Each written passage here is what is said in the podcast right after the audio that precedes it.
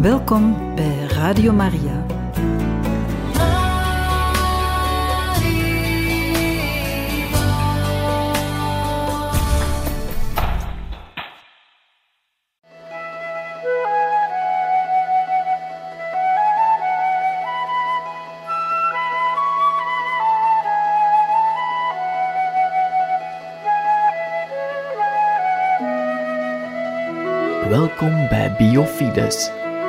Programma van Radio Maria, gebracht door Vincent Kemme.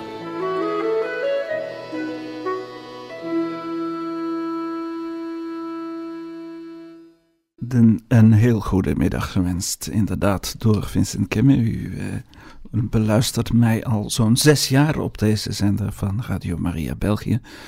Met mijn Hollands accent eh, mag ik u spreken over de relaties die eh, bestaan tussen aan de ene kant ons geloof en aan de andere kant de wereld van de wetenschap, in dit geval in het bijzonder de levenswetenschappen. En uh, al zes jaar mag ik dat uh, hier bij u brengen rond alle mogelijke thema's die op het raadvlak liggen van ons geloofsleven en ons materiële, concrete, lijfelijke, biologische bestaan. En dat zijn vele onderwerpen, dat weet u wel, want u hebt misschien al vaker geluisterd. Misschien luistert u voor de eerste keer. Uh, dat zijn talloze onderwerpen die met onze gezondheid te maken kunnen hebben, maar ook met de ethiek rond het omgaan met het leven. Het ethiek, dus de manier van handelen waar we wel of niet goed aan doen. En die te maken hebben met onze gezondheid, maar ook met onze morele gezondheid, onze geestelijke gezondheid ten opzichte van die onuitsprekelijke naam. De Joden wisten, wilden zijn naam zelfs niet uitspreken, omdat uit heilig ontzag. En diegene die we God noemen.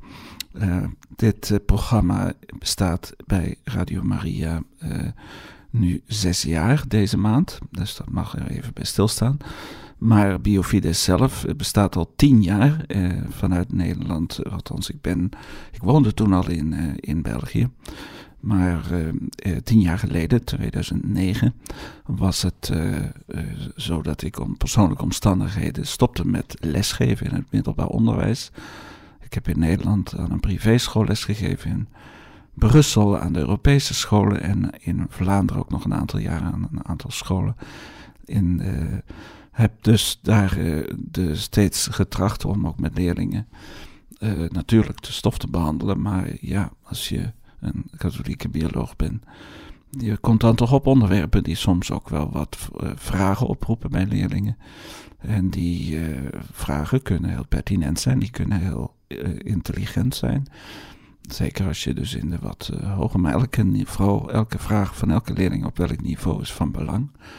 En soms kunnen dat hele heel eh, lastige vragen zijn. Vragen die over ons bestaan gaan. Waar komen wij vandaan? Wat is onze afstamming? Wat is onze toekomst? Hoe kunnen wij weten dat God bestaat? Hoe kunnen we omgaan met leven dat nog niet geboren is, maar wel in de moederschot al is? Hoe kunnen we omgaan met onze lichamelijkheid, onze mannelijkheid, onze vrouwelijkheid? Hoe kunnen we omgaan met het milieu? Zoveel vragen, zoveel vragen dat ik gezegd heb: ja, ik ga toch uh, daar een, een, een, nadere invulling aan geven. Dat was dus in 2009. Het was toevallig het jaar van Darwin dat uh, de Engelse bioloog Darwin werd herdacht. De man van de evolutietheorie. En dat is altijd een heikel onderwerp waar veel mensen soms heel verschillend over denken. En ook de gemoederen wel eens verhit kunnen geraken. als het proberen met elkaar te verzoenen. Aan de ene kant de Bijbelse openbaring, dat wat de Heilige Schrift ons zegt, wat de kerk ons leert. En aan de andere kant, zogezegd, de, wat de wetenschap uh, voorstelt aan modellen voor verklaring van het leven op aarde. Nu, dus dat uh, Darwinjaar was in 2009. En uh, nu is het zo dat de katholieke kerk altijd een open en welwillende houding, ja zelfs een stimulerende houding, heeft gehad naar de wetenschap toe. Dus ik durf zelfs te zeggen dat de wetenschap haar bestaan te danken heeft aan de katholieke kerk. Als je verder teruggaat in de geschiedenis, als je kijkt naar de vroege middeleeuwen, uh, als je kijkt naar de, de uh, scholastiek, dat is de filosofie, de katholieke filosofie eigenlijk, een theologie die zich ontwikkelde in de, in de middeleeuwen, de 13e eeuw, 14e eeuw, met Albert de Grote en Thomas van Aquino. En dat eigenlijk een grote synthese werd samengebracht tussen allerlei, tussen zeg maar het joods-christelijke scheppingsgeloof, joods-christelijke openbaring aan de ene kant, en de filosofie die de, via met name de Grieken en in, tot ons was gekomen en die behoefte hadden al vanaf, eigenlijk, je ziet het al in het Nieuwe Testament, behoefte hadden een, aan een rationele duiding van, van wat de openbaring ons leert. Dus, ehm, dus die wetenschap, uh, de kerk heeft zich ook ten aanzien van de evolutie, uh, biologie, het vak dat dus eigenlijk met Darwin grote vlucht heeft genomen, de studie van de geschiedenis van het leven en de mechanismen waarlangs volgens zoals men veronderstelt de soorten zijn ontstaan. Uh, die studie die heeft een grote vlucht genomen met het verschijnen van het boek van, uh, van de geschriften van Charles Darwin, die dus ook nooit veroordeeld is door de kerk. er zijn misschien allerlei ideeën over. de kerk heeft eerder voor momenten gestaan dat er een schijnbare spanning ontstond tussen zeg maar, wetenschappers van grote naam die niet per se atheïsten waren of zelfs heel gelovig waren. En die met nieuwe inzichten kwamen, die leken op het eerste gezicht op gespannen voet te staan met het geloof wat, uh, wat we ontlenen aan de, aan de Heilige Schrift, aan het Oude en Nieuwe Testament. En de interpretatie daarvan en ook de manier waarop de kerk daarmee omgaat. En uh, zo had het, uh, kon het zijn dat ook rond de persoon van Darwin natuurlijk heel veel discussies geweest. Er zijn ook wel ferme uitspraken geweest, links en rechts, van zelfs bisschoppen en ook hier en daar van een paus, maar nooit zodanig dat je kunt zeggen: dit is, dit is een afkeuring, geen zins, tegendeel. Men heeft uh, welwillend toch uiteindelijk naar die zaken gekeken en al vanaf Paus Pius XII uh, in 1950 ongeveer, ja, en een open houding aangenomen zonder zomaar alles voor goed zoete koek te nemen, zomaar alles te, te geloven wat daar uh, zou gebeuren. Dus eh, wat was er in de hand, uh, aan de hand in, in, 2009? Dan was het dus een jaar dat Darwin herdacht werd en dat, hij, dat er in het Vaticaan een heel groot congres werd georganiseerd. waar ik net nadat ik eigenlijk besloten had om met Biofides te beginnen, uh, naartoe kon gaan, dankzij een weldoener. En die uh, ook ja, daarmee eigenlijk een teken gaf. Een priester die hier uit Vlaanderen, die daarmee een sterke bevestiging gaf van ja, ga die weg op, dit is interessant. Hier hebben mensen ook nood aan om te horen hoe kun je spreken over die dingen. Zonder enerzijds de wetenschap te verraden of anderzijds het geloof te verraden. Want geen van beide, de wetenschap is een menselijke kwaliteit die van God gegeven is, die dus zeg maar uit de wieg van de kerk, zijn wieg eh, staat in de kerk. De, kerk, de menselijke uh, verantwoordelijkheid, zoals uitgedrukt al in de eerste bladzijde van Genesis, van gaat, bewerkt de aarde en onderwerpt haar. wij hebben een specifieke verhouding tot de natuur, tot de aarde, tot de leefomgeving die we hebben, die erin bestaat dat we haar mogen bewerken, begrijpen. Daarvoor moeten we haar begrijpen. Daarvoor moeten we daar ook uh, verantwoord mee omgaan. Als we de Heilige Schrift zegt ontwerp, onderwerp haar, betekent dat niet dat we ze kunnen, mogen uitbuiten of uh, exploiteren. Met alle gevolgen van dien. Maar wel dat we boven de schepping staan, aangesteld zijn. Wij zijn de enige schepsel op aarde dat uh, in redelijkheid weloverwogen beslissing kan nemen en oplossingen. En daarvoor is wetenschap nodig en de kerk heeft dus de wetenschap als het ware gebaard. En zo is de wetenschap dus in zich een positief ding, een geschenk. Iets waar we nooit eh, te negatief over zouden mogen spreken. Waar we wel negatief over mogen spreken als, als de wetenschap uit haar boekje gaat. Dus pretentieus wordt, denkt dingen te kunnen verklaren die niet tot haar terrein behoren. En zo kan een bioloog onmogelijk zinnige dingen zeggen op grond van de biologie over de bovennatuur, over het bestaan van God, over de eigenschappen van God, over de drie-eenheid. Of over, de, sterker nog, de, biologie wordt soms wel eens, um, laten we zeggen, een beetje door ons Liveer zelf expres een lesje geleerd van wie is hier de baas. En dan gaat het over wonderen die kunnen gebeuren, zoals een maagdelijke geboorte, of zoals het lopen over water, of het genezen van een zieke, of het opwekken van een dode, of zelf uit de dood opstaan. Dus met andere woorden, God laat zich niet door de biologen vertellen wat hij kan en mag. Maar de biologie kan en mag wat God haar gegeven heeft te doen en te weten en te, hoe, het hoe het werkt. En dat geldt voor alle wetenschappen. Nou, er is een, natuurlijk een, een hiërarchie, er is een ordening van, ja, er is maar één God en dat is niet de, de bioloog, maar dat is God. En uh, dat is, maakt toch een klein verschil. Dus in 2009 was ik naar dat congres en ik werd gevraagd door Radio Maria Nederland om daar verslag van te doen, samen met de Vlaamse uh, ingenieur uh, Patrick Verputten, van, die misschien wel luistert of hopelijk spreek ik hem weer eens, want het was heel interessant om samen daar in Rome de discussies te volgen. je moet zich voorstellen dat daar mensen komen die die dus ja, op vele, maar van vele markten thuis zijn. Echte biologen. Hè, dus die echt thuis zijn in de vondsten, bijvoorbeeld van fossielen. Die thuis zijn in de werking van DNA. De manier waarop erfelijke eigenschappen overgedragen worden de manier waarop er in populaties uh, in, van dieren of planten uh, variatie van genetische eigenschappen kan zijn en daardoor ook een vorm van natuurlijke selectie kan optreden. Dus echt een biologische verhalen die uh, aangeven hoe de natuur volgens naar onze beste inzichten lijkt te werken. hoe het allemaal in elkaar steekt en hoe het ook zich laat begrijpen en hoe het ook een bepaalde innerlijke logica uh, vertoont. Het is niet allemaal chaos en toeval wat er in, de, in onze cellen gebeurt, of in onze weefsels, of in het DNA. En ook niet in de.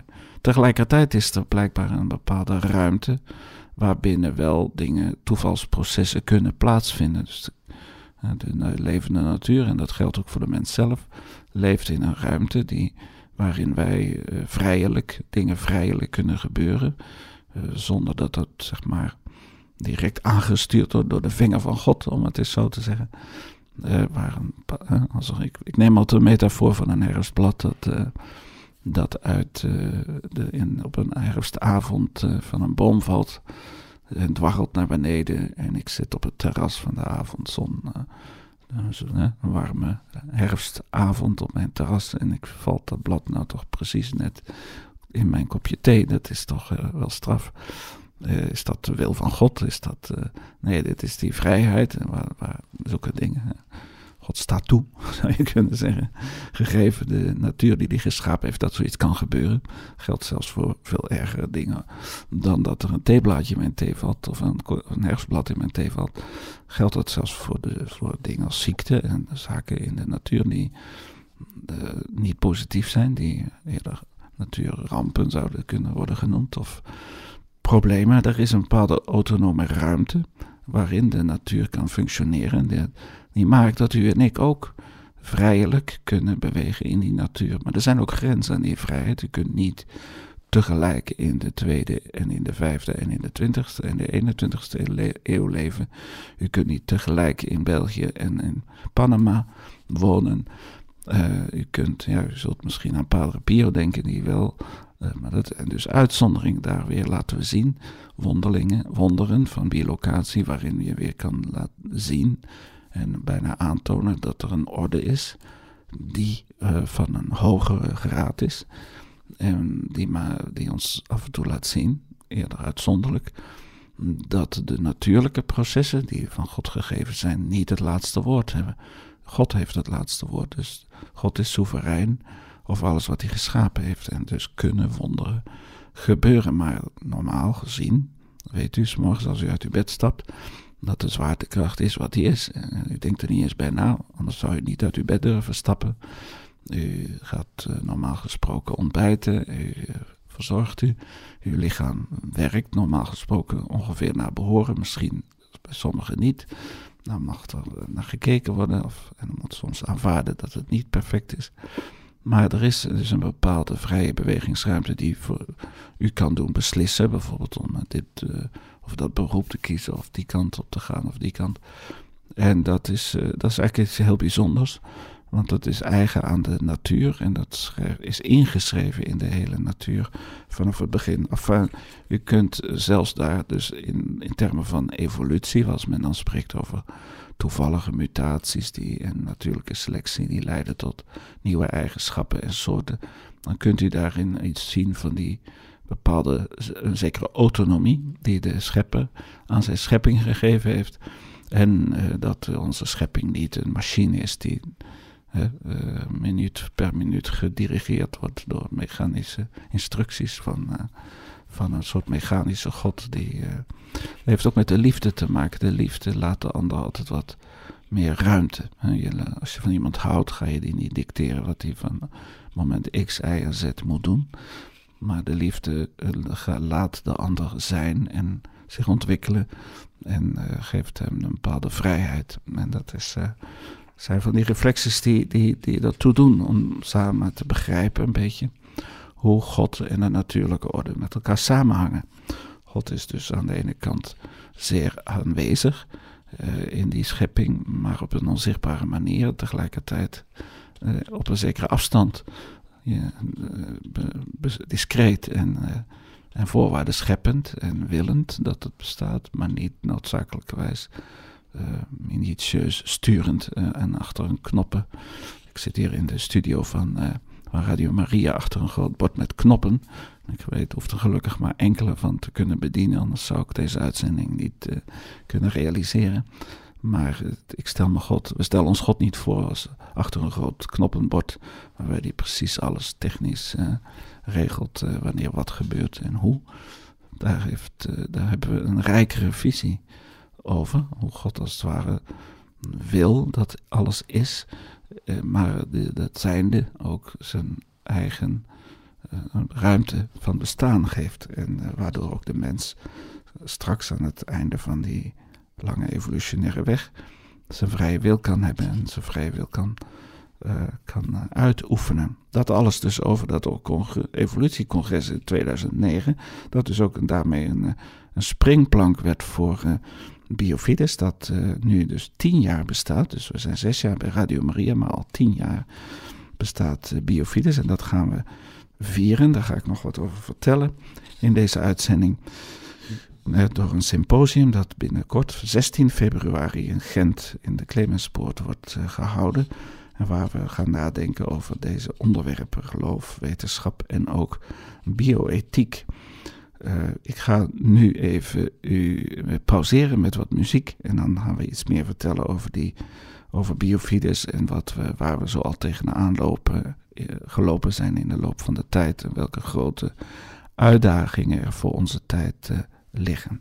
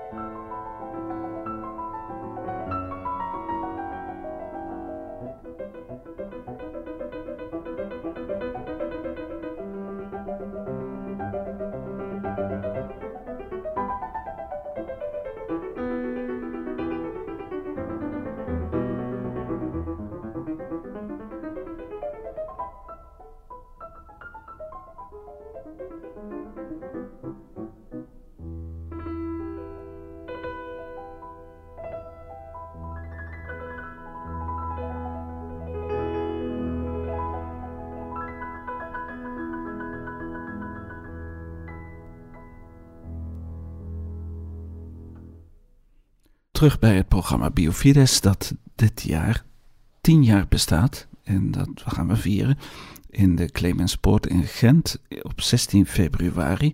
De Clemenspoort, dat is een nieuw, gloednieuw uh, conferentiegebouw, uh, bezinningscentrum van de Paterschedem Toeristen in Gent. Het ligt uh, op vijf minuten te voet van het station Gent Sint-Pieters. Dus zeer gemakkelijk bereikbaar. Op zaterdag 16 februari spreken daar vijf uh, sprekers over uiteenlopende onderwerpen die met biofides te maken hebben, dat wil zeggen met geloof, wetenschap en bioethiek, medische ethiek bijvoorbeeld.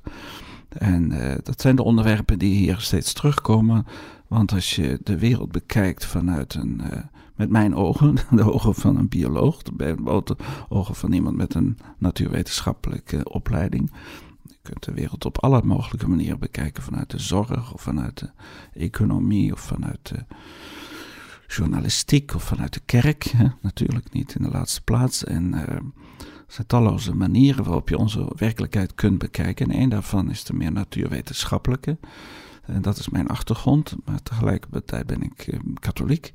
En geloof ik in God. En ga ik, heb ik behoefte aan, voor mijzelf, maar ook merk ik dat er behoefte is bij mensen om inzicht te krijgen van hoe je die twee manieren van kijken naar dezelfde werkelijkheid met elkaar in verbinding kan brengen. Hoe je daarover, uh, of die elkaar door, met elkaar door één deur kunnen, als het uh, zo mag zeggen. Uh, we gaan dat dus vieren en u bent van harte uitgenodigd. Het zal een interessante dag worden. Het zal een pittige dag worden qua inhoud. De Nederlandse hulpbisschop uh, Monsieur Eva de Jong zal ook een van de sprekers zijn. Hij heeft ooit uh, in Amerika gestudeerd op de affaire van Galilei. U weet misschien nog, dat uh, was die grote astronoom in de 17e eeuw, eind 16e, begin 17e eeuw.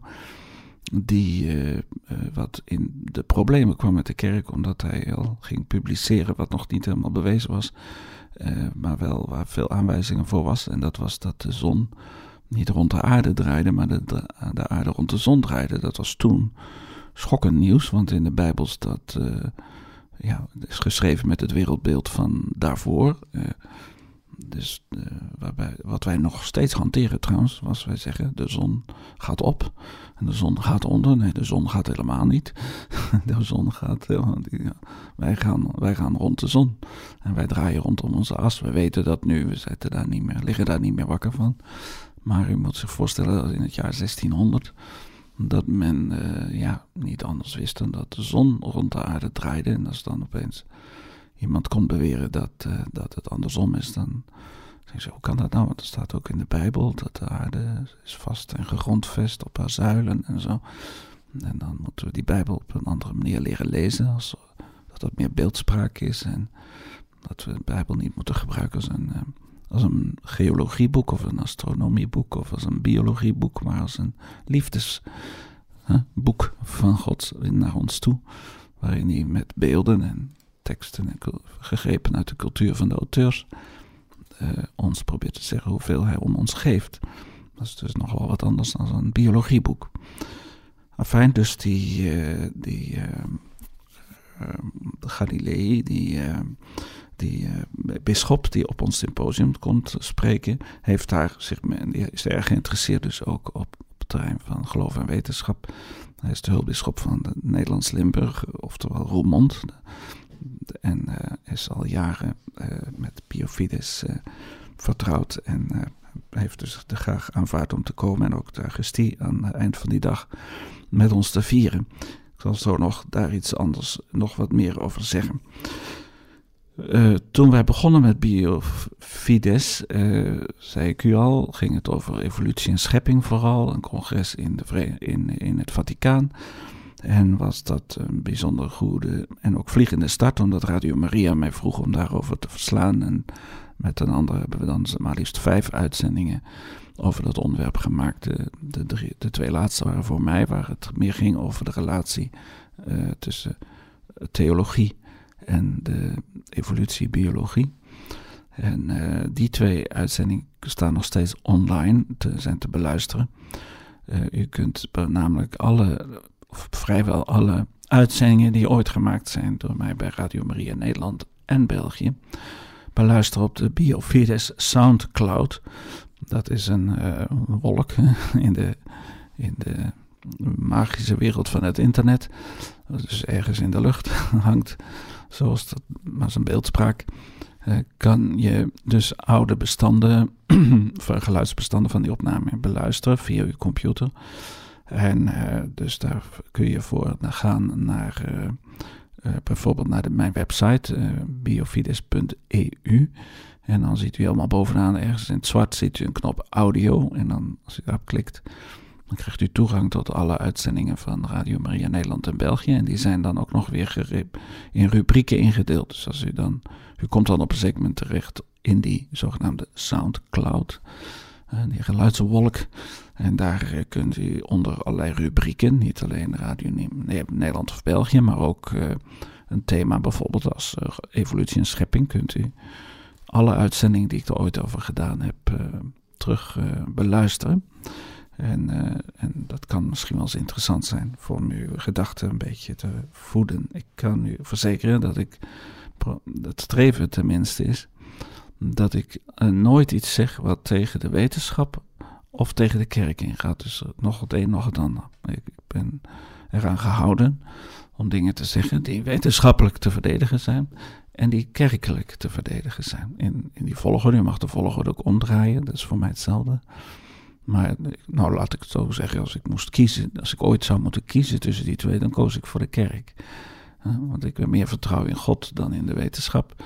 Maar ik heb reden om als wetenschap wetenschappers eerlijk hun werk doen, op zoek zijn naar de waarheid, de juiste methode en de juiste de manieren van onderzoeken hanteren en integer zijn. Dan produceren zij ook waarheid. Hè? Dan komen zij ook af met waarheid. Zo goed als dat een goede theoloog of een goede uh, priester, bisschop, we gaan ervan uit dat ze allemaal goed zijn. Nee, maar niemand is perfect op aarde, maar dat, uh, dat ook zij komen uh, in de zondagse preek of in een andere studie of in een encycliek of in een uh, schrijven van, laten we zeggen, de lokale bisschop, dat ze komen ons bedienen met de waarheid, wat waar is en wat betrouwbaar is. En als die twee werelden elkaar dan ontmoeten, de wereld van de wetenschap en de wereld van het geloof, en ze hebben allebei het ware op zak, dan is het ondenkbaar uiteindelijk, filosofisch gezien, dat de twee elkaar zouden tegenspreken. Ze kunnen elkaar misschien misverstaan, ze kunnen misschien andere definities hebben van woorden of elkaar niet goed begrijpen, maar je kunt je niet voorstellen dat als twee mensen de waarheid zeggen, weliswaar op hun, vanuit hun eigen specifieke invalshoek, dat ze op de, uiteindelijk nooit met elkaar te verzoenen zouden zijn. Dus dat is een heel belangrijk principe. Ik ben dan dus uh, begonnen met die radio-uitzendingen en uh, die dus online staan. En uh, als ik nu kijk naar de cultuur, want het zijn niet alleen radio-uitzendingen, ik krijg ook vragen van mensen, ook op het internet. Heel veel discussie, vaak soms op het internet. Mensen die mij mail sturen. U kunt mij een mail sturen naar aanleiding van zo'n uitzending als deze, naar biofides.radiomaria.be. Nee, en dan krijg je soms heel indringende vragen. Zo kreeg ik onlangs nog een vraag over hoe ik nu toch kon geloven dat uh, Adam hè, en Eva uh, uit hogere primaten zou zijn uh, ontstaan. Nou, ik was er niet bij, dus dit is een heel ingewikkeld en moeilijk onderwerp. Maar goed, er is dus een, een, een interessante studie natuurlijk over te maken.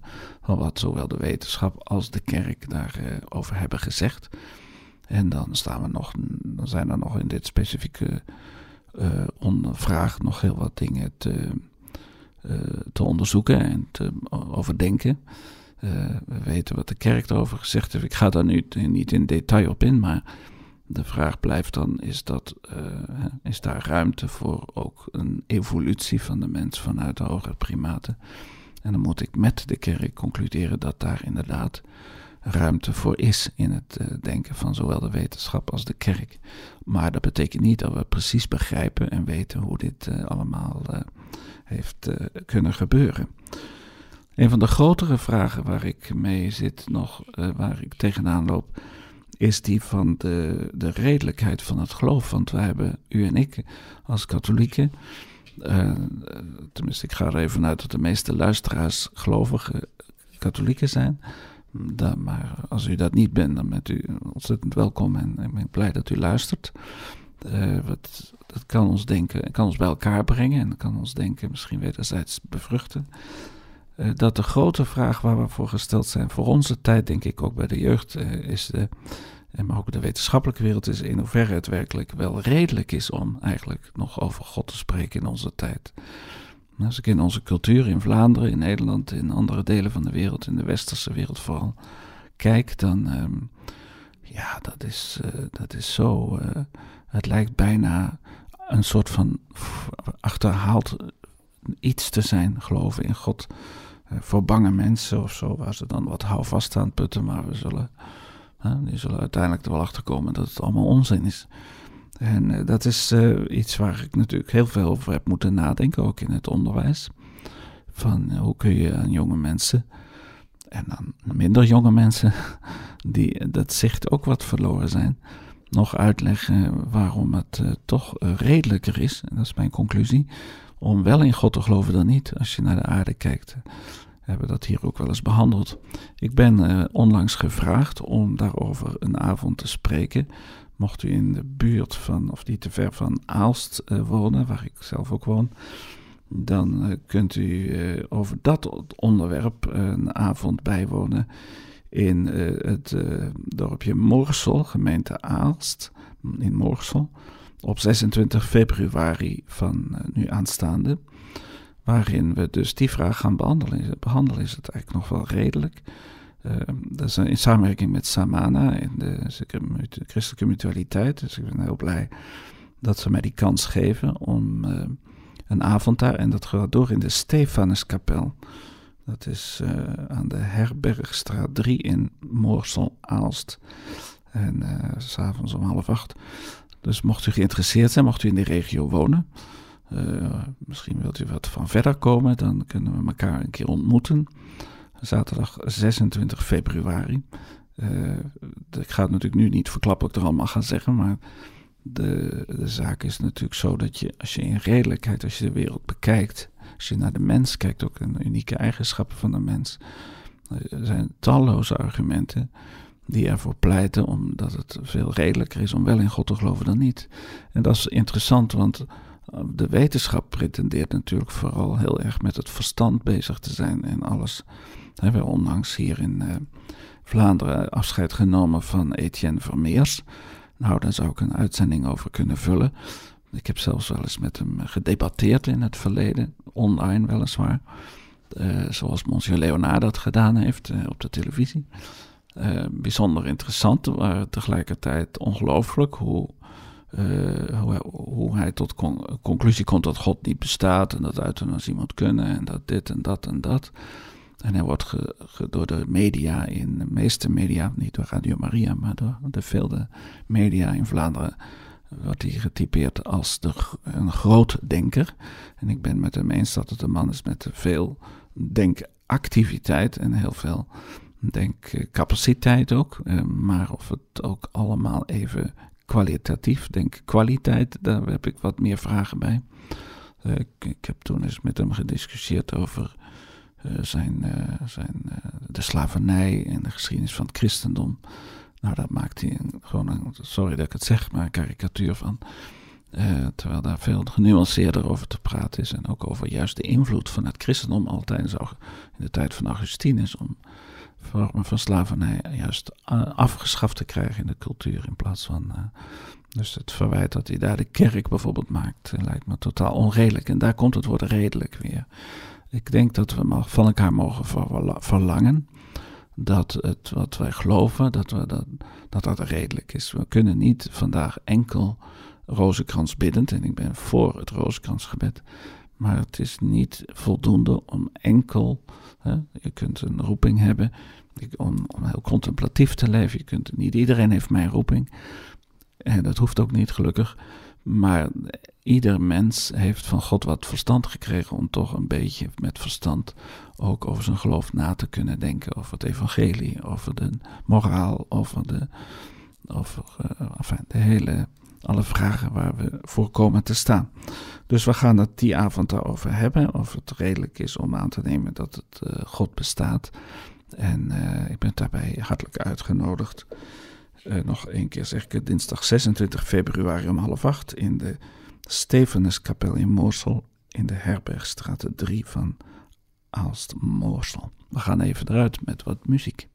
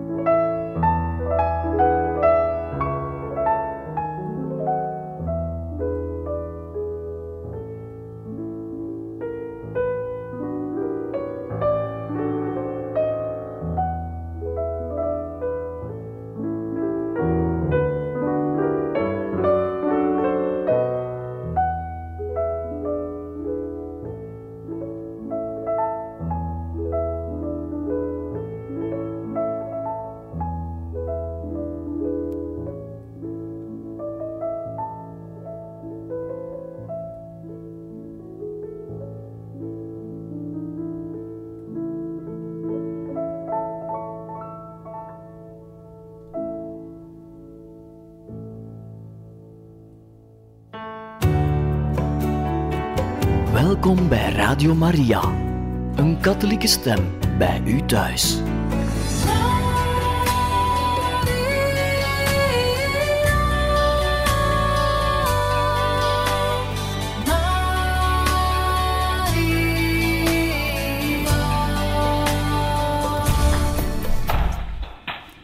Tien jaar Biofides, dat is een beetje teken, in het teken van dat feit, heugelijke feit dat we deze uitzending plaatsen.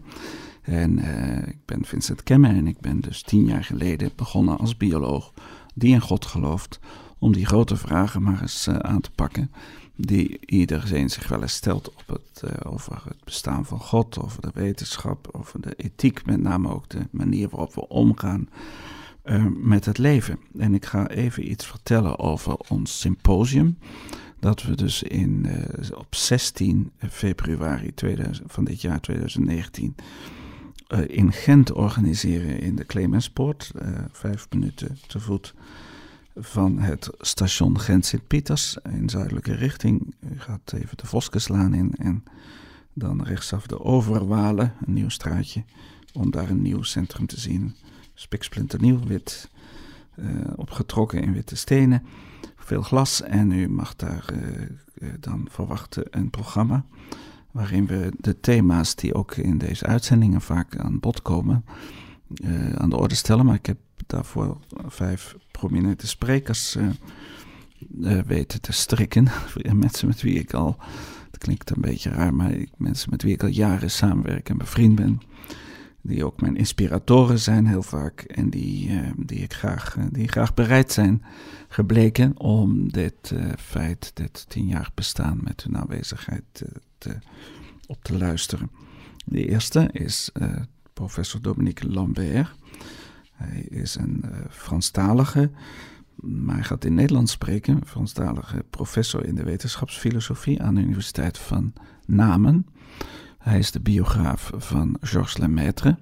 En Georges Lemaitre is een Belgische priester-cosmoloog die in de eerste helft van de 20e eeuw samenwerkte met Einstein en Niels Bohr en grote wetenschappers. En, maar als priester-cosmoloog ook worstelde met die vraag van hoe, houdt, hè, hoe hangt geloof en wetenschap met elkaar samen. En uh, professor Lambert is zijn biograaf en hij is dus een grote autoriteit op het terrein van het denken over de relatie tussen geloof en wetenschap. En hij gaat ons iets vertellen over welke, ook welke fouten daarin gemaakt worden. Hij zal spreken over het zogenaamde concordisme wat je kunt duiden als zeg maar, het geforceerd willen bijeenbrengen van wetenschappelijke en bijbelse waarheid, waarbij je dus gaat speculeren over de zes dagen of over dat.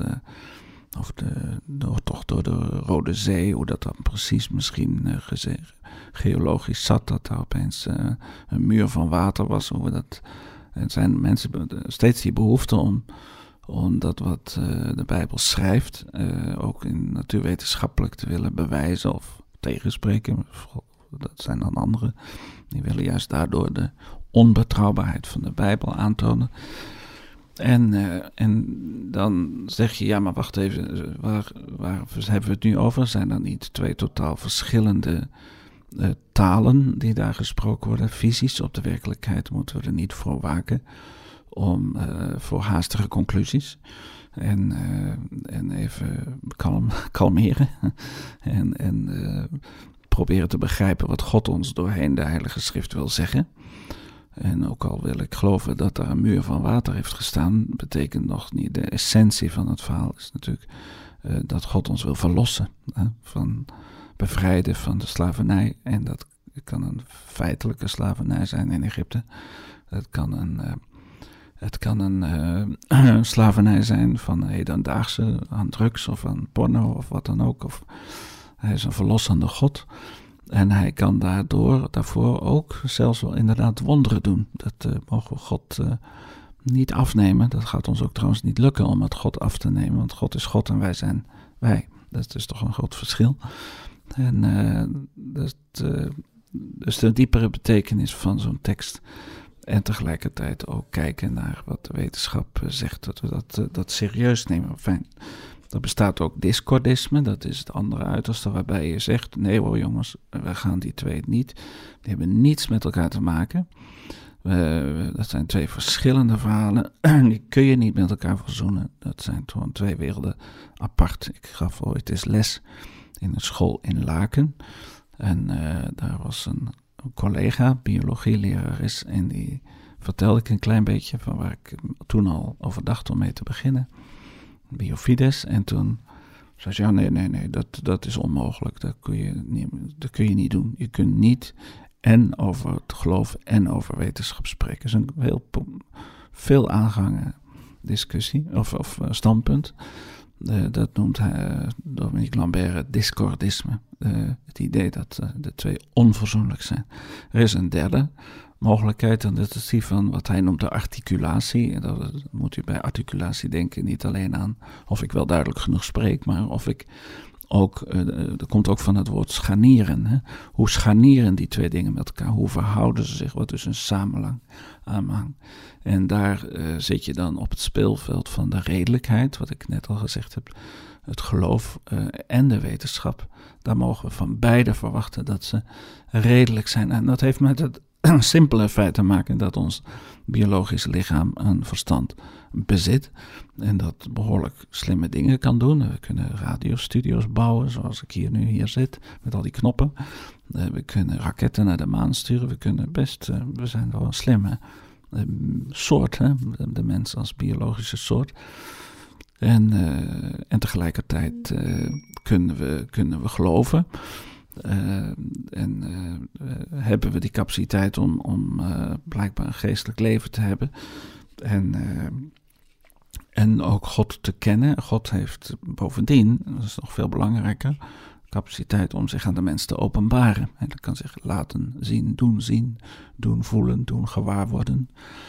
Door momenten van genade, door momenten van ook maar gewoon ook eigenlijk al uh, redelijk, intuïtief. We kunnen al bijna met zekerheid zeggen, als je de schepping ziet, dat er wel iemand of iets moet zijn die dat bedacht heeft. Maar we kunnen zelfs meemaken dat God bijzondere interventies eh, toestaat, zoals bijvoorbeeld mens te worden op aarde, verschijnen, om op te staan uit de dood. Uh, waardoor die uh, zich als het ware op een bijzondere manier aan ons manifesteert. En fijn, dus die twee, de vraag is of dat laatste, dat zou dan biologisch niet kunnen, maar of het toch niet wel redelijk is om te geloven dat Jezus uit de dood is opgestaan. En dat zijn dus, als je daar lang over nadenkt, heel, heel, heel sterke redenen om daar ook rationeel wel in te geloven. En uh, zijn zelfs studies van gemaakt. Er is ooit een film uh, van gemaakt. Die dat heel sterk uiteenzet. Hoe je eigenlijk er puur rationeel niet langs kunt. Uiteindelijk, na alles afgecheckt te hebben. Dat de enige verklaring voor dat hele christendom is dat Jezus werkelijk niet, niet symbolisch of legendarisch of wat dan ook. Maar werkelijk uit de dood is opgestaan. Dat dat redelijk is. Enfin, u begrijpt, de twee ontmoeten elkaar op het terrein van de redelijkheid, van de filosofie, van het denken.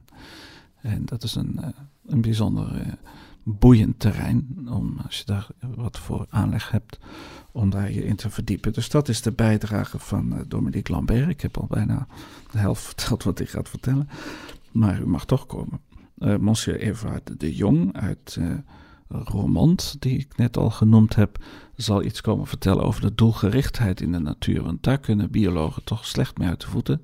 Wij natuurwetenschappers kijken naar de materie, de levende materie, de soorten, de processen in ons lichaam. En we vragen ons af, wat is de oorzaak van dit of dat? En we proberen te achterhalen wat de natuurwetten zijn, wat de, de wetten van de erfelijkheid bijvoorbeeld zijn.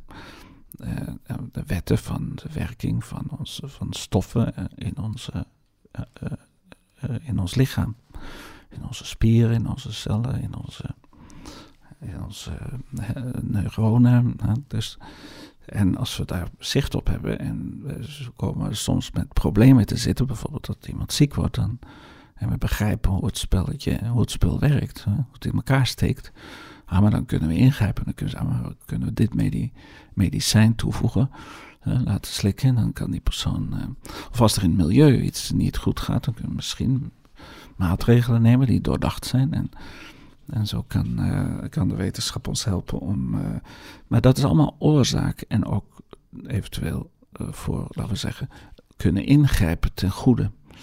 En hopelijk ten goede in de, in de levende natuur. En niet ten kwade, wat ook gebeurt helaas door de wetenschap.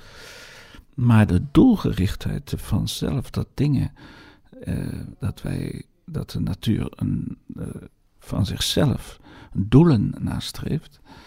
En misschien dus ook als de evolutie in biologie het doel in zich had om de mens te doen ontstaan. Dan is dat toch wel een, iets waar de, waar de natuurwetenschap eigenlijk eh, met de handen in het haar staat. En, en geen, want ja, dat veronderstelt een intelligentie die, die dat op een of andere manier wil en die dat in gedachten had. Uh, dat, want je kunt je moeilijk van, van lagere diersoorten voorstellen dat ze zelf in gedachten hadden om de mens uiteindelijk te produceren via evolutie. Dus daar zou dan hogere. Eh, dus, maar ook de werking van ons lichaam is doelgericht. Hoe kun je een machine maken die van zichzelf een doel nastreeft? Daar moet je een hoge intelligentie voor zijn om dat erin te kunnen steken, als het ware. Dus dat is allemaal heel interessant. Daar gaat monsieur Eva de Jong iets over vertellen.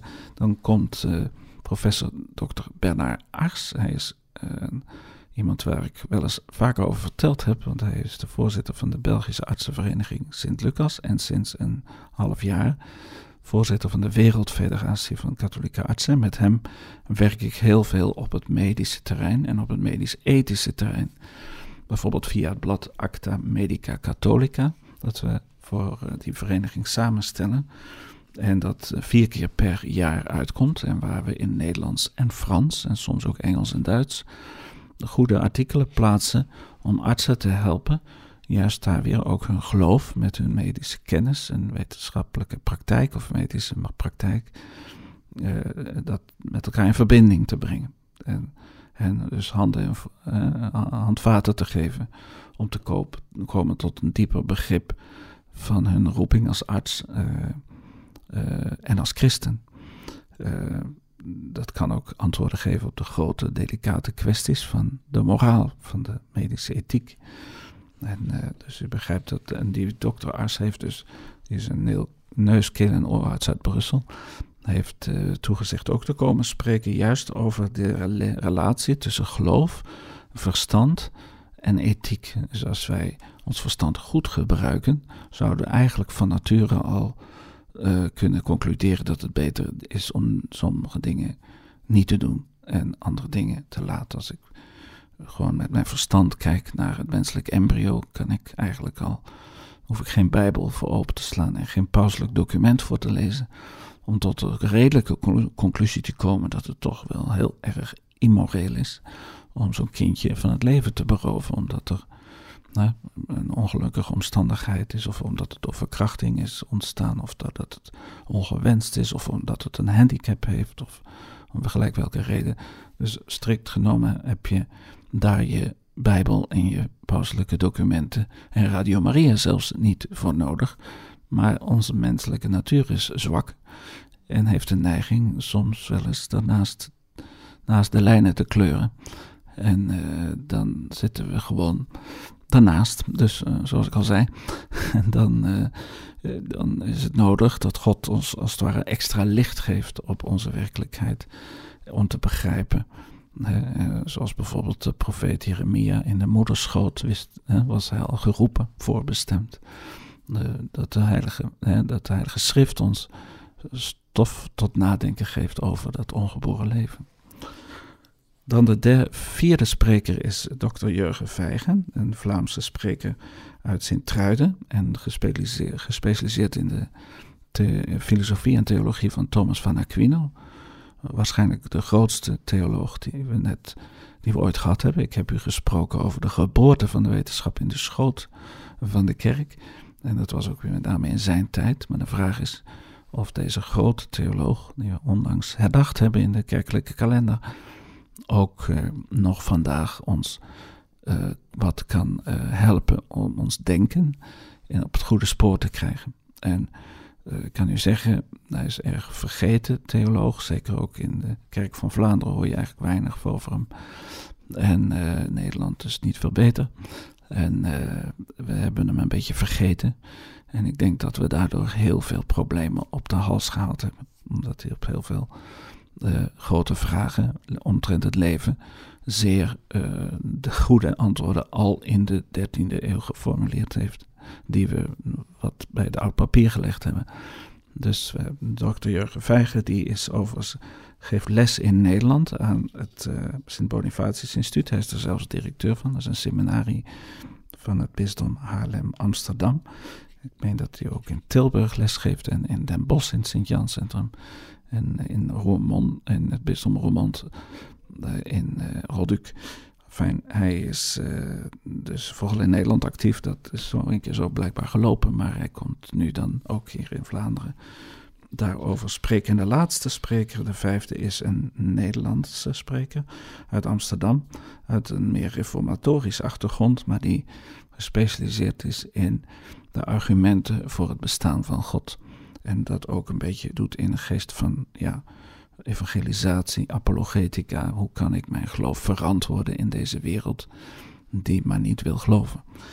Hij is, uh, werkt aan een centrum voor geloof en wetenschap in Amsterdam. De eerste spreker heeft onlangs zo'n dergelijk centrum in Namen opgericht. Ik ben echt heel trots eigenlijk wel dat de beide sprekers uh, op dit symposium willen komen spreken.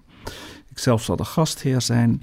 Het symposium is dus op 16 februari uh, aanstaande, dat is al snel, uh, in de Clemenspoort in Gent, uh, Overwalen 3. En u kunt, moet u even aanmelden via de website biofides.eu. Daar ziet u alle gegevens. Moet vragen ook wat bijdragen in de kosten. En dan uh, hoop ik daar mensen van luisteraars te zien. Mensen misschien die in het onderwijs staan, priesters, religieuzen, uh, lijken die werken in de, zorg of in, het, in de wetenschap. Mensen die zich gewoon geïnteresseerd zijn, die, die zich al die dingen alles afgevraagd hebben. U, ik nodig u ook uit om, om, misschien zegt u voor mij is dat ingewikkeld of te, te niet interessant, maar mijn, mijn neef of mijn, mijn schoonzoon of uh, die, die, die zou dat kunnen interesseren. Nou, gaat u dan snel even, als u internet hebt, naar www.biofides.eu. Trouwens, ook Radio Maria heeft op de website er aandacht aan besteed. Uh, radiomaria.be. En dan kunt u zich daar verder informeren en aanmelden.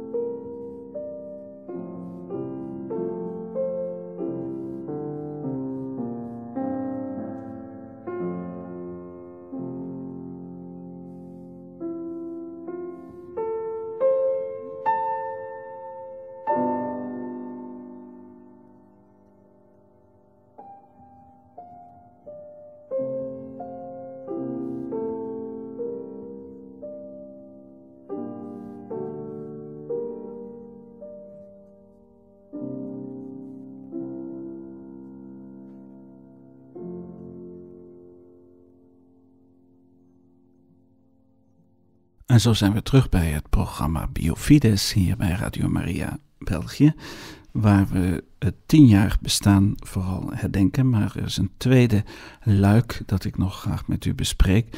Ik heb u net verteld over een uh, dokter-arts in Brussel, uh, met wie ik heel veel samenwerk. En die Biofides al heel snel ontdekte en mij vroeg om ook de Belgische katholieke artsenwereld te, ja, te helpen nadenken over de grote kwesties, de grote vragen van onze tijd.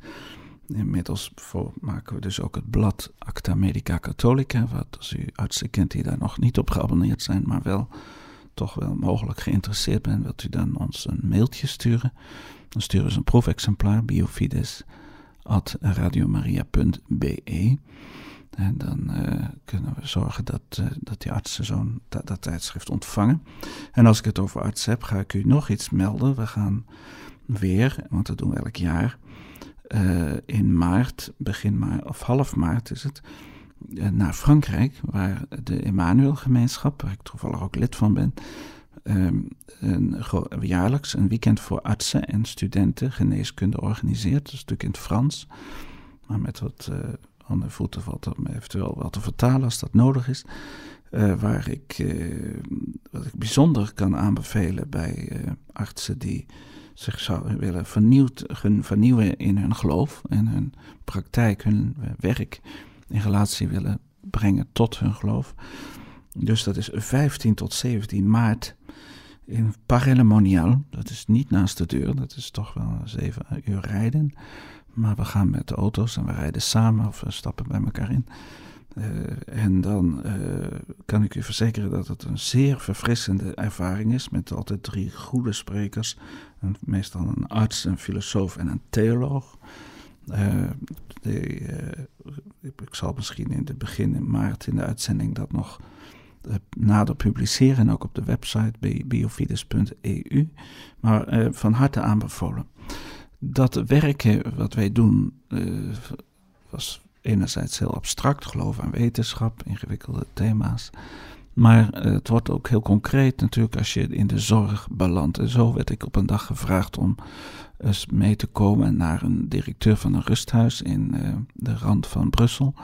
Omdat de kwestie van de euthanasie in onze cultuur toch wel heel erg oprukt. En, en heel veel mensen zich daar zorgen over maken. En zo sprak ik drie uur, al een jaar geleden zeker, met een uh, directeur van een katholiek rusthuis, die weliswaar toch uh, euthanasie toestond binnen de muren van zijn huis.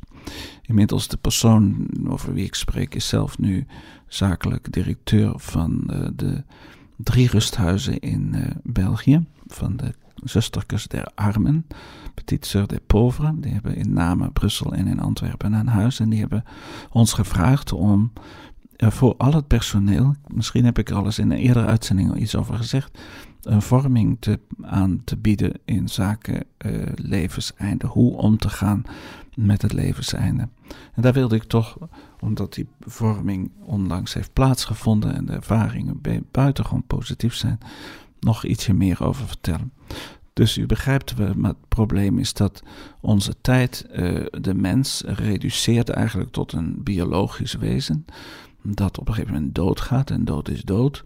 En dat is heel vervelend natuurlijk, want dat gaat, kan met lijden gepaard gaan. En dat kan met ondraaglijk lijden gepaard gaan. En dat wil, gun je je vijand niet. Dat is verschrikkelijk. En je vraagt je af hoe God dat kan toelaten, et cetera. Maar je vraagt je ook af van hoe moeten we daarmee omgaan? Hoe moeten we nu die, uh, die patiënten, onze familieleden, het kan onszelf overkomen. Hoe kunnen we die zogezegd een, een zachte dood, een zachte eh, weg, een overgang, zeggen wij gelovigen, naar de eeuwigheid bezorgen? Hoe kunnen we daar, daarin hun bijstaan? Er zijn twee uitersten die we in die vorming behandelen. De ene uiterste is wat men wel eens noemt therapeutische hardnekkigheid of levensverlengend handelen. Levensverlengend handelen, daaronder versta ik dan dat we medische handelingen nog verrichten die eigenlijk zinloos zijn, die geen enkel redelijk doel meer dienen. Het valt u misschien op dat het woord redelijk weer passeert, dat is erg belangrijk. En uh, dat is ook waar de kerk niet voor is. Al is het al omdat het niet redelijk is, maar ook omdat het zinloos is. En wij moeten, de kerk, gedenkt Christus, die ons heeft laten zien dat de dood niet het einde van het liedje is. Dat er leven na de dood is en dat we mogen reden hebben om te hopen. En dat we dus niet in het niets vallen. En als we ons met elkaar, met God verzoenen, dat er ons eeuwig geluk te wachten staat. Dus die, die fase, de moeilijkste fase van ons leven, dat is die overgang naar dat andere leven. Het afscheid nemen van dit leven, die verdient onze zorg. Maar dat betekent niet dat we die uh, daaraan nodeloos moeten uh, oprekken. Hè, en, maar niet willen aanvaarden dat moeder nu toch gaat, echt van ons gaat verlaten. Of dat ik zelf afscheid moet nemen van het leven. Dat is een, een beproeving. En ik kan makkelijk praten, ik ben uh, nog pas 61 en ik ben nog relatief gezond en zo. Maar goed, ik heb natuurlijk ook wel dingen al meegemaakt in mijn familie en zo. En uh, ja, de dood is een beproeving, maar geen, uh, geen ultieme catastrofe. Want we weten dat er nog iets is. En dat betekent dus dat we dat oprekken van het leven moet afwijzen. Maar wat tegenwoordig veel meer in zwang is, is natuurlijk het verkorten van het leven. Omdat we niet willen aanvaarden dat mensen moeten lijden. En dat we dat ook onmenselijk vinden, ondraaglijk vinden. En dat we zelfs dus met de beste, beste bedoelingen uh, tot de gedachte komen om uh, het leven actief, met die intentie ook, te beëindigen. Nu, daar is een, uh, heel veel over te zeggen. Maar wat ik in ieder geval in die vormingen steeds ook erg benadruk, is dat er natuurlijk een onderscheid is tussen iemands lijden en iemands leven. En dat wij dus uh, iemands lijden willen bestrijden, daar kun je rustig van zeggen dat dat een morele plicht is, dat je niet het recht hebt om dat niet te doen. Als iemand afziet, dan ga je minstens daarbij zitten, je gaat kijken hoe je kunt en je gaat misschien medisch kijken. Alles, palliatieve uh, geneeskunde heet dat, palliatieve zorg heet dat. Je kunt zelfs zover gaan dat je zegt tot een uh, vorm van sedatie overgaat. Dat wil zeggen dat je zulke middelen gebruikt.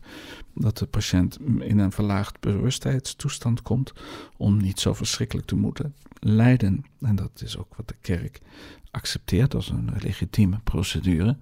Voorwaarde dat hij niet uh, een instrument wordt voor om de patiënt te doen overlijden. Dus de intentie moet altijd zijn comfort geven, verzorgen, pijnverlichting. Maar mag nooit, de intentie mag nooit zijn uh, het leven te beëindigen. Dus er is een onderscheid tussen het lijden bestrijden en het leven bestrijden. En als je daar niet goed in de gaten houdt, dan kom je in de verleiding misschien om het lijden te bestrijden door het leven te bestrijden. Maar dat is echt iets anders. Dat is van een andere orde. Het leven is wat wij krijgen. Zelfs als je ongelovig bent, moet je zeggen dat je het leven hebt ontvangen van je ouders. Het is een cadeau, dus het is een geschenk. En wij weten als gelovigen dat er uiteindelijk een, gever is die, die, naar wie wij terugkeren. Maar zelfs zonder dat kun je je afvragen of je als mens aan uh, de, de competentie hebt en het recht om aan het leven zelf te raken. En wij begrijpen, u begrijpt dat wij natuurlijk daar duidelijk met de kerk nee op zeggen. Maar ook een uh, zekere Lemmens, een filosoof uit Antwerpen, die geen gelovig is, zegt ja, je kunt de rol van de arts bijvoorbeeld niet zomaar veranderen in iemand die geroepen is voor jou te zorgen en jou eventueel te genezen, naar iemand die ook over jouw leven, ja, eh, over jouw, uh, dus niet alleen over je gezondheid, je conditie, je, je pijn, je, je, ziekte, daar handelend kan optreden voor jou, met oog op jouw welzijn. Maar dat hij dan ook in bepaalde gevallen zou mogen tegen, precies tegenovergesteld doen. En niet het lijden of de ziekte te bestrijden, maar het leven te bestrijden. En die vindt dat ook maatschappelijk vol, volkomen onverantwoord om uh, die filosoof om dat, uh, om dat uh, te doen in onze cultuur. Nog iets over een paar woorden over een element in, die vorm, in dat vormingsaanbod. Dat betreft de wet in, in België. Er is, bestaat dus geen recht bijvoorbeeld op euthanasie, alleen een recht om het te vragen. Artsen en verpleegkundigen kunnen altijd weigeren volgens de wet. Hoeven daar niet aan mee te doen, ook al is de druk misschien groot. U bent uh, wettelijk, uh, zou dat daarvan uh, uw geweten zou moeten worden gerespecteerd. En zelfs al zou dat om emotionele redenen zelfs zijn, dus niet omdat u katholiek bent, omdat u er gewoon emotioneel moeite mee heeft, en dan nog hebt u een goed legitiem argument om niet daaraan mee te doen. Maar ook zorginstellingen hebben niet de verplichting in de wet om daaraan mee te doen. Bijna ieder, alle zorginstellingen doen het. Deze drie zorginstellingen van de Zusterkers der Armen doen, willen het niet. En uh, we hebben mij gevraagd dus om daar het personeel in uh, uitleg te geven. We gaan dan ook praten over wat betekent sedatie, wat betekent palliatieve zorg, wat is euthanasie. En dan uh, komt er wat helderheid. Diezelfde vorming die mag ik op uh, eh, 16 februari, uh, nee, op 14 februari, 14 februari ook aanbieden, eenmalig, in een uh, vormingsbijeenkomst in het vormingscentrum Giesla in Gent, waar we dus zullen spreken over deze materie. dat is om 1 uur in de namiddag. Daar kunt u zich voor inschrijven op de website van het vormingscentrum Gislain. Dat is in de uh, Gislaanstraat uh, in uh, Gent, nummer 43. waar Jozef Gislain staat 43. Dat is waar ook heel veel verpleegkundige cursussen worden gegeven van de Broeders van Liefde is dat. Dus dat is een heel interessant moment. Als u dat interesseert, is een open cursus, een open aanbod. U mag gewoon als belangstellende kopen. Donderdag 14 februari van half twee, maar om één uur mag u al komen om zich aan te melden. Tot half vijf in, uh, de, nogmaals, Vormingscentrum Gisela in Gent. Daarmee kom ik, uh, denk ik, aan het einde van deze uitzending van uh, Biofides. Dus wij kunnen terugkijken op tien jaar werk dat ook sterk geïnternationaliseerd is. Ik heb bijvoorbeeld nog 1 december jongsleden namens de Belgische artsenvereniging zelfs de paus mogen ontmoeten en hem de hand drukken. Als u het niet gelooft, dan bestelt u een nummer van het uh, blad Acta Medica Catholica, het vierde nummer van het afgelopen jaar waar we dat ook uh, in een foto van afgedrukt is, waar ik de paus een blad heb mogen geven, een exemplaar van het blad Acta Medica Catholica namens de Belgische katholieke artsen. En in mijn beste Italiaans hem uh, het, best, het gebed toegezegd heb, want ik dacht, ja, wat vraagt de paus steeds? Ja, is gebed. Wat kunnen we hem beter geven? Dus ik heb hem een beetje...